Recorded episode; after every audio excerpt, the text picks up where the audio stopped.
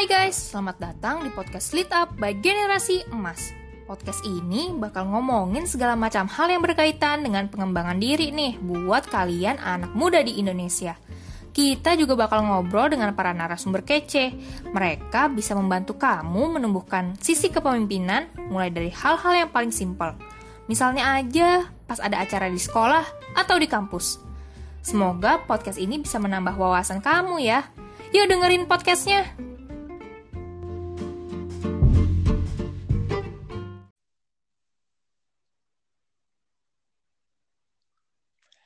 Hai teman-teman, terima kasih sudah bergabung dalam podcast Lead Up by Generasi Emas.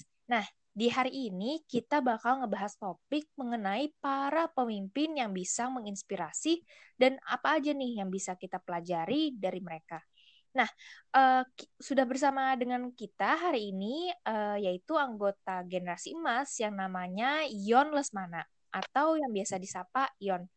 Nah, uh, Yon ini adalah seorang anggota dari generasi emas yang tinggal di kota Bandung. Hai Yon, apa kabar? Halo, halo Jamie. Baik, kabar saya baik sekali. Baik, baik, baik. Nah, Yon, uh, kesibukannya sehari-hari ngapain aja nih? Oke, untuk saat ini sih kesibukan saya adalah di bisnis, uh, melayani di gereja dan di generasi emas, Jam. Oke. Okay. Berarti jadi pebisnis, aktif di generasi emas, yeah. dan juga aktif di organisasi yang ada di gereja gitu ya. Benar sekali. Oke. Okay. Nah, kalau di generasi emas tuh uh, anggota di bidang atau divisi apa nih? Oke. Okay. Untuk saat ini saya ada di divisi GE People and Culture. Hmm, oke okay, oke okay, oke. Okay. Nah, uh, People and Culture tuh divisi yang kerjanya ngapain aja ya? Oke, di di GE People and Culture tuh untuk ngebuat ngebangun dan ngegerakin culture-nya di GE gitu. Jadi bangun lingkungannya yang ideal buat buat semuanya bisa bertumbuh, berkembang secara optimal. Itu sih, Jam. Hmm, oke oke menarik menarik. Jadi uh, fokusnya adalah anggota generasi emas juga gitu ya. Ya, benar sekali. Oke, nah apakah baru pertama kali ini nih mendapatkan jabatan di bidang tersebut atau sebelumnya udah pernah ke divisi yang lain? Untuk ini sih baru yang pertama kali sih hmm. dan sangat-sangat seru sih di divisi ini sih. Saya senang sekali sih sama divisi ini. Oke, oke. Okay. Sebelumnya uh, masuk ke generasi emas uh, langsung ke divisi apa tuh sebelum masuk ke bagian GE People and Culture? saya sebelumnya di HRD uh, di HRD okay, setelah itu saya ya setelah itu saya uh, dipindahkan ke divisi GE People and Culture. Hmm, oke oke oke. Nah, jadi kalau misalnya di tim uh, GE People and Culture tuh kegiatannya uh, ngapain aja sih program-programnya? Untuk program yang saat ini kita sih ngebangun misalkan di setiap bulan Juli ada yang happy birthday, ada yang ulang tahun, kita ngucapin. Karena ketika kita ngucapin ke seorang yang ulang tahun, itu sangat ngebuat orang itu merasa dihargai. Nah, satu. Jadi, yang kedua tuh adalah Ya, kenapa aja? Jadi kayak seneng banget gitu ya. Soalnya uh, pas kita ulang tahun ada yang nyelamatin gitu. Iya, hmm. jadi kayak gua tuh kayak dihargai gitu. Iya, hmm, benar benar benar. Terus terus terus. Nah, yang kedua itu adalah namanya nanti kita next mungkin next week uh, kita mau buat namanya second home. Nah, second home itu kita di, di situ tuh bisa ngobrol-ngobrol, bisa ketawa-ketawa. Mungkin untuk saat ini karena pandemi ini kita mungkin bisa pakai Zoom atau Google Meet. Nah, nah kita bisa di situ kita ngobrol-ngobrol, ketawaan atau ada yang mau diceritain atau ada yang mau sharing. Nah, jadi G itu bukan yayasan doang, tapi G itu adalah emang second home gitu. Jadi kita mau cerita apa pun bisa di situ. Hmm, oke okay, oke. Okay. Jadi uh, generasi emas nih bisa menjadi seperti rumah kedua gitu ya bagi anggota-anggotanya. Hmm, menarik, ya, menarik, menarik. Nah sekarang karena pandemi jadi harus serba online gitu ya semuanya. Iya. Nggak bisa tatap uh, wajah langsung. Nah, ya benar. Uh, ini kan jadi pebisnis, aktif di generasi emas, aktif juga di organisasi di gereja. Nah, uh, yang namanya kita masuk ke organisasi itu kan pasti punya skill kepemimpinan gitu ya. Nah, kalau menurut Yon sendiri, kepemimpinan atau leadership tuh artinya apa sih buat Yon? Kalau menurut saya, kepemimpinan dan leadership itu adalah saling mengayomi sih, saling menolong gitu. Kan saya tuh pernah baca buku, uh, ada perbedaan bos sama leader. Nah, okay, okay. kalau bos itu, uh, kalau bos itu adalah menyuruh hasil pengen, hasilnya aja gitu. Tapi kalau leader kalau leader apa yang uh, kerja bareng-bareng, kalau ada yang sulit kita bantu sama-sama. Jadi leader tuh saya mengayomi sih saya membantu. Hmm oke oke oke. Nah uh, Yan sendiri pernah nggak misalnya mengalami ada kendala di bidang kepemimpinan entah itu saat di generasi emas misalnya ya saat misalnya berkomunikasi dengan sesama anggota terus misalnya saat mencari anggota atau mungkin saat di luar sana Yon kan menjadi pebisnis nih pernah nggak sih misalnya punya yeah. ke, masalah kepemimpinan entah itu dengan rekan kerja atau mungkin karyawan atau gimana nih oke okay. mungkin sulitnya itu adalah beda ini ya kali ya beda budaya hmm. nah terus uh, dan karakternya kan berbeda-beda gitu kan jadi harus menyesuaikan dulu sih itu sih gitu tapi uh, untuk untuk yang itu sih paling itu aja sih. Hmm, oke oke oke. Jadi memang uh, menyadari bahwa uh, orang itu beda beda orang, beda karakter gitu ya. Iya benar. Hmm, oke. Okay. Benar sekali. Nah, terus kalau yang sendiri caranya untuk memahami karakter tiap orang, atau tiap rekan kerja atau tiap karyawan itu gimana sih Yon? Apakah diajak ngobrol atau gimana tuh? Untuk paling awal sih mau paling ya paling awal kita sih mungkin berkomunikasi kan ketika kita ber, berkomunikasi kita tahu dia itu orangnya bagaimana atau orangnya rada banyak ngomong atau rada pendiam nah dari situ semua tahu semua kan tapi dari situ kita tahu juga karakternya kayak gimana gitu nah jadi dari awal sih itu dulu sih berkomunikasi makin dekat makin dekat gitu. Hmm oke oke oke. Nah dengan kendala jadi kan saat kita menjadi pemimpin itu kadang-kadang ada aja gitu ya tantangan dan rintangan. Nah kalau misalnya Yan sendiri eh, gimana nih? Apakah turut berkaca dengan tokoh-tokoh pemimpin terkenal buat nyontek cara pendekatannya mereka ketika menjadi pemimpin atau belajar dari cara lain gitu? untuk saya pernah baca buku namanya uh, di toko yang saya suka itu ada John C. Maxwell. Nah, di buku itu uh, judulnya adalah hubungan. Nah, hubungan. Nah, saya terus dibaca buku paling awal bab satu dia ngomong namanya respect. Ya. Nah, ketika kita udah tahu sifat kekurangannya atau kelebihannya, tapi lebih tepatnya kalau kita udah, udah tahu kekurangan kan kebanyakan pada tahu kekurangannya yeah. bisa dibilang jadi males gitu ya jadi bete jadi males lah ketemu tapi dari situ kenapa di buku situ dibuat bab pertama namanya respect saya baru menyadari ketika kita respect pola pikir kita semati kita respect ke dia walaupun mau sifatnya kurang atau bagaimana tapi tetap kita respect jadi kita tetap mau deketin dia kita masih mau uh, berkomunikasi kita masih mau cerita cerita cerita gitu jadi saya nyonteknya tuh dari situ. Oh. Nah, nyontek nyontek dari tokonya itu. Jadi ketika kita mau mau dekat sama orang dari dari situ dulu aja punya hubungan itu sih gitu. Hmm, oke oke oke. Nah. Oke. Okay. Nah, kok kalau untuk Jamie bagaimana dengan tokoh tokoh Jamie? Nah, kalau misalnya aku nih ya yang dijadikan yeah. tokoh ya atau figur yang dijadikan uh, tokoh idola gitu kali ya. Uh, dalam yeah pendekatan ketika menjadi pemimpin tuh ini aku rasa semua orang tahu nih. Jadi Ibu Susi Pujastuti. Jadi Bu Susi ini oh. uh, salah menteri gitu ya. Jadi waktu tahun 2014 yeah. uh, Bu Susi ini adalah uh, salah satu dari delapan uh, menteri perempuan yang menjadi uh, anggota kabinetnya Pak Jokowi dan Yusuf Kala atau Pak JK. Nah, yeah. Ya. uh, menarik nih kalau misalnya uh, kita lihat kan menteri-menteri lain tuh lulusan S1, S2, S3, bahkan ada yang pernah udah jadi uh, profesor, habis gitu jadi menteri.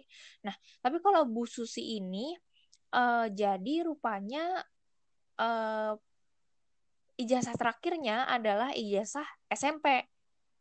Ya, gitu. benar sekali. Jadi ini um, agak-agak unik dan juga nyentrik gitu ya. Apalagi kan Bu Susi ini juga uh, pendidikan terakhirnya SMP, habis itu ngerokok, habis gitu badannya pakai tato gitu-gitulah. Jadi waktu mau diangkat jadi menteri itu banyak uh, kontroversi gitu sama orang-orang. Karena eh kok pendidikannya cuma SMP jadi menteri? Kayak gitu-gitu. Nah uh, jadi kalau misalnya kita tarik uh, sedikit ke belakang jadi sebenarnya Bu Susi ini adalah seorang pebisnis. Pebisnis di bidang penerbangan dan juga perikanan gitu. Nah yeah. Ya. uh, saat uh, itu saat uh, tahun 2014 itu Bu Susi itu langsung terkenal gitu ya atau langsung viral dengan istilah hmm. tenggelamkan.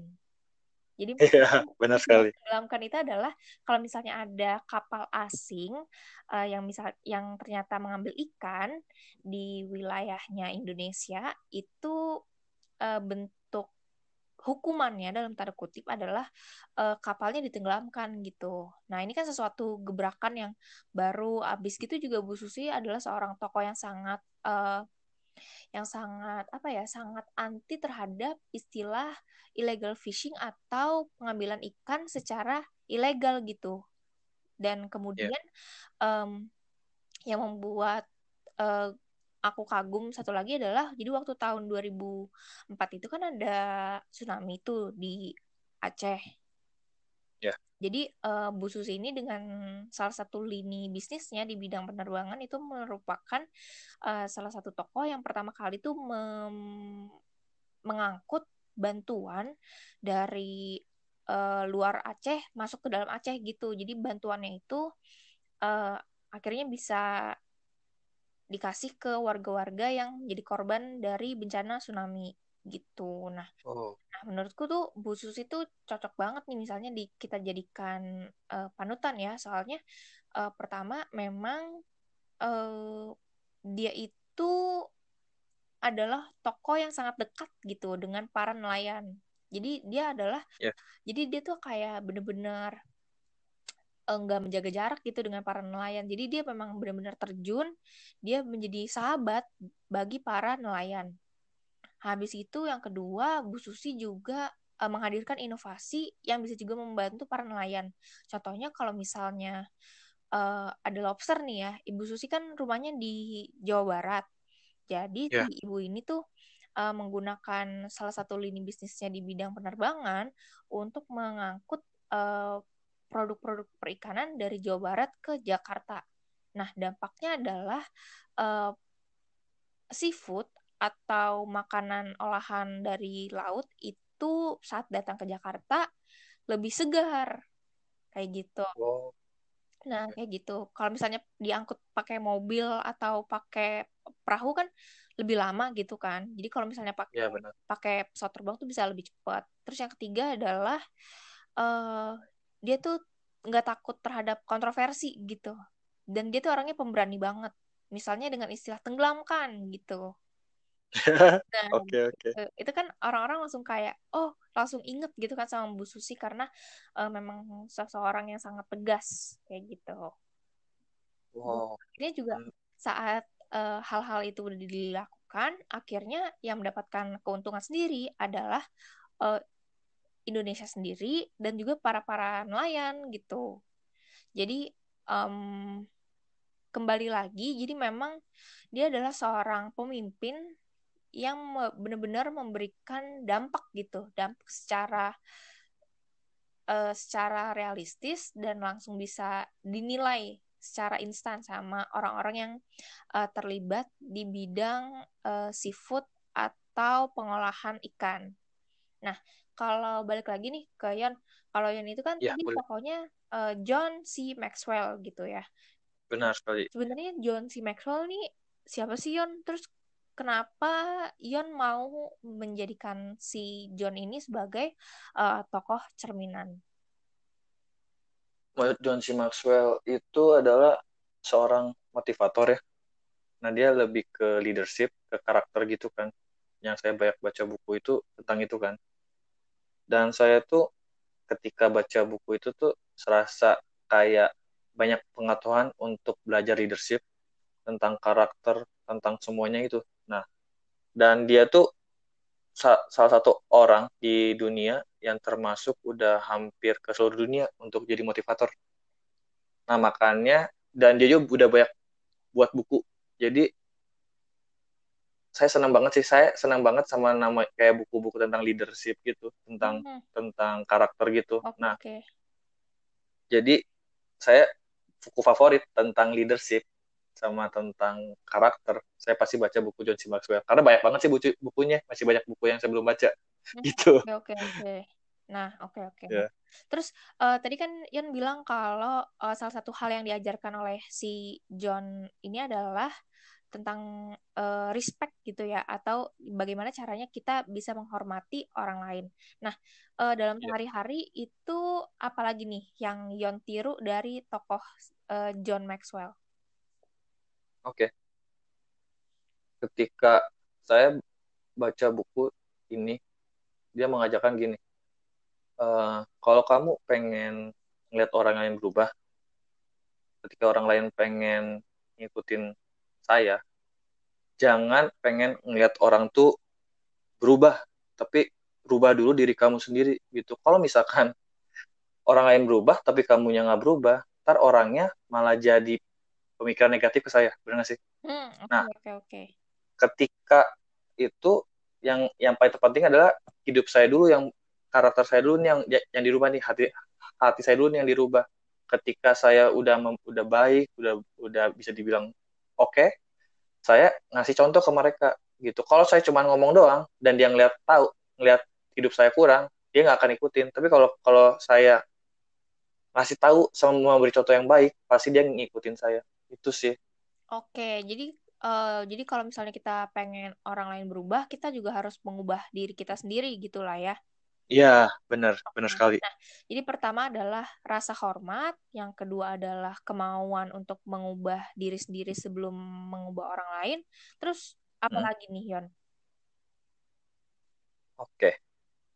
Hmm, saya banyak belajar itu udah respect, terus uh, untuk belajar dari diri sendiri. Dan yang paling terpenting itu kita tuh harus punya waktu. Contoh gini, terkadang tuh kan emosional tuh sebenarnya tuh perasaan tuh paling sensitif bener gak sih? Mm, iya yeah, bener-bener. Nah sensitif perasaan tuh paling sensitif karena zaman sekarang nih kalau corona nih jadi mungkin stres mungkin karena di rumah terus pikiran jadi negatif kan jadi jadi kena ke perasaan gitu kan jadi negatif semua jadi lemas badannya kan nah itu kan paling penting kan nah banyak sekali yang di uh, hidup saya gitu. Banyak terkadang ada teman saya tiba-tiba telepon ke saya. Nah telepon ke saya adalah dia curhat gitu. Nah ketika curhat gitu. Nah curhat nah saya juga baca juga di John C. Maxwell. Yang terbaik itu adalah ketika kamu bukan dia ngom dia berbicara dia curhat ke saya tapi saya banyak ngomongnya. Bukan. Tapi yang terpenting itu adalah ketika dia berbicara ke saya saya mendengarkan. Gitu. Ketika saya mendengarkan dia merasa kita tuh mereka tuh dihargai gitu kan. Hmm, iya iya. Nah pas terakhir, pas terakhir baru saya ngasih tahu solusinya. Nah saya pernah teman saya ngomong kayak gitu, dia tuh serasa depresi ke saya.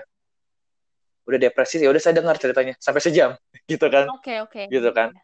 Nah saya cerita dia depresi gitu mungkin ada masalah apa. Nah saya langsung dengerin aja, cuma dengerin lebih lebih baik dengerin gitu gitu gitu dan akhirnya saya cuma ngasih solusi paling cuma 10 menit gitu. Tapi pas dia terakhir telepon dia ngomong ya makasih banyak ya setelah saya cerita ke saya gitu.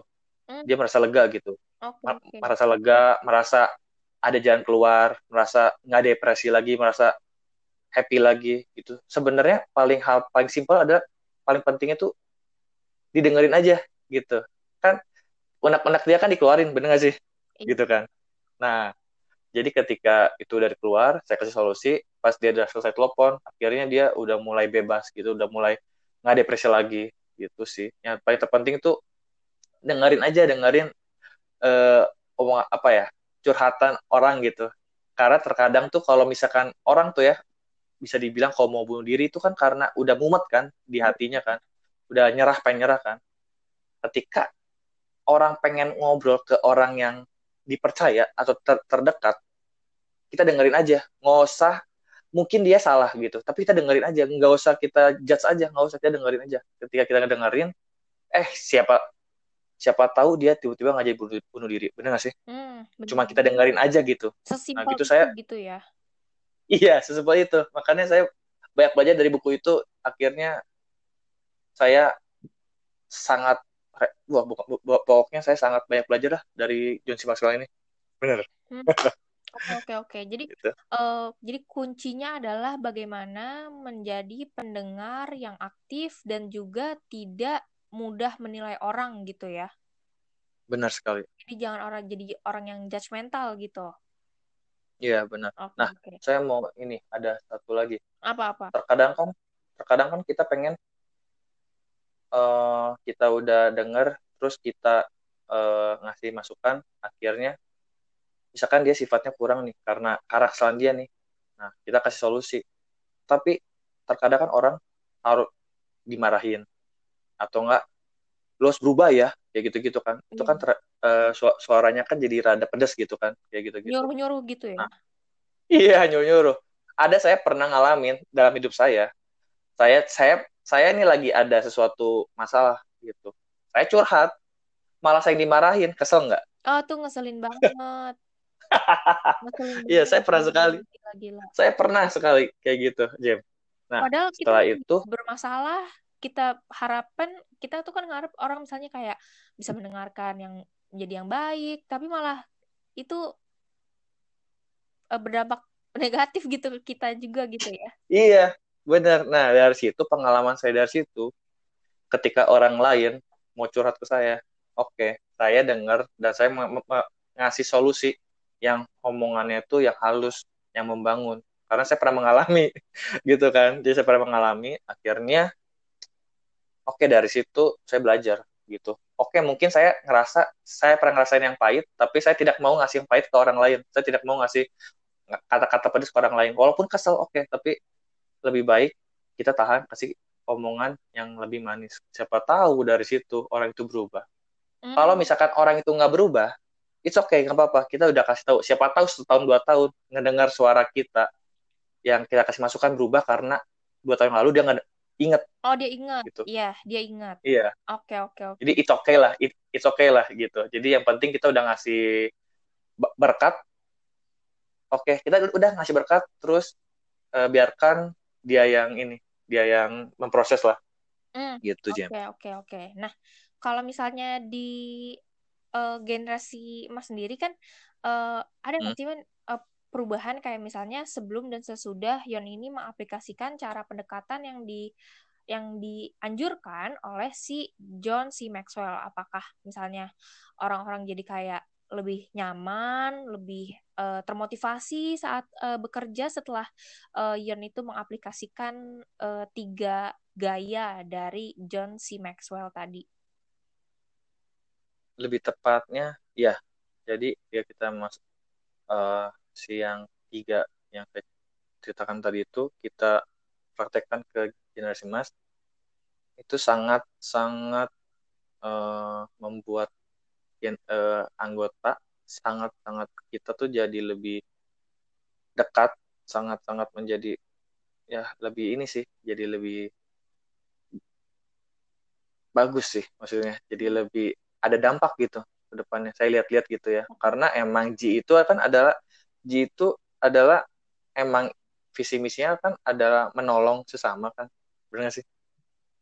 Nah, dari situ saya saya yang saya yang coba untuk membantu anggota gitu tapi saya juga dapat berkat dari anggota mereka juga gitu karena emang udah culture-nya di G itu menolong gitu hmm, oke oke oke bahkan jadi tiga hal ini adalah sesuatu hal yang sangat-sangat uh, mudah dilakukan tapi dampaknya tuh besar gitu ya benar sekali apalagi kan dia yeah, bentuknya ke divisi yang memang tugasnya tuh mengayomi anggota gitu ya people yeah. culture gitu. Nah, Oke, tapi ada nggak sih uh, yang uh, cara atau gaya pendekatan yang dianjurkan oleh si John C. Maxwell, tapi ternyata pas kamu mau praktekin itu gagal?